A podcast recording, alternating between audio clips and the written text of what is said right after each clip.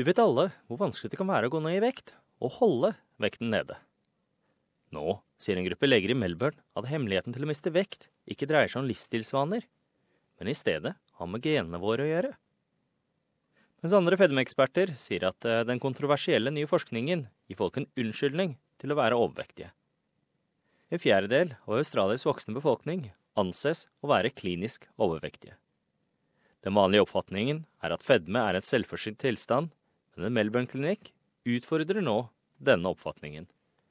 Austin Healths overvekstlege, professor Joe Proieto, sier at han behandler fedme som en kronisk genetisk sykdom. The view that obesity is genetic is controversial. However, the evidence is very strong that there is a genetic predisposition to obesity. Legene ved Austin Health er med i en ny dokumentar, hvor de prøver å behandle pasienter gjennom en kombinasjon av diett, medisinering og kirurgi, skreddersydd spesielt for pasientenes genetiske sammensetning. Professor Proieto mener miljø har langt mindre påvirkning på vekten enn genetikk. Men Sydney University Obesity Research Director dr. Nick Fuller sier at å skylde på genetikk bare kommer til å gjøre fedmekrisen verre. We're finding more and more genes that contribute to obesity, but genetics are not the reason for the increase in prevalence of obesity.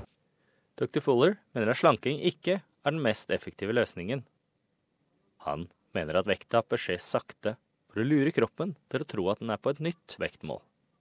They need to, to lose a small amount of weight before the usual response to weight loss kicks in and maintain that weight so that can they, re, they can then reprogram their set weight before then going on to lose weight. Helene Jackton har forsøkt å gå ned i vekt i 30 år. Hun har prøvd mange populære dietter og treningsregimer uten suksess. Kun i løpet av de siste ti årene under dr. Fullers strategi har hun vært i stand til å miste 14 kilo og holde de av.